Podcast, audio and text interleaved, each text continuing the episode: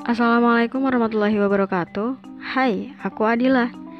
Kali ini aku akan sharing lagi ke kalian hasil pengamatan aku di sekitaran daerah rumahku tentang fasilitas umum.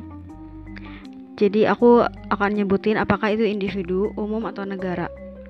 Jadi yang pertama ada jalan kampung. Jalan kampung itu pihak yang menyediakannya pemerintah lalu masyarakat. Lalu yang kedua ada posisi kamling, pihak yang menyediakannya adalah masyarakat. Yang ketiga ada tempat ibadah, tem pihak yang menyediakannya itu adalah pemerintah, masyarakat, dan juga individu. Yang keempat ada gedung olahraga, tentu saja pemerintah. Lalu TPU, pemerintah. Lalu ada balai kampung RT atau RW, pihak yang menyediakannya pasti pemerintah atau masyarakat. Lalu ada sekolah atau tempat mengaji.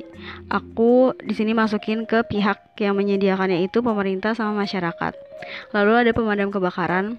Pihak yang menyediakannya otomatis pemerintah. Tempat pembuangan sampah pemerintah juga.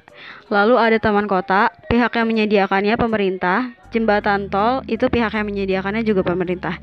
Itu aja sih hasil pengamatan aku. Sampai jumpa lagi, dah.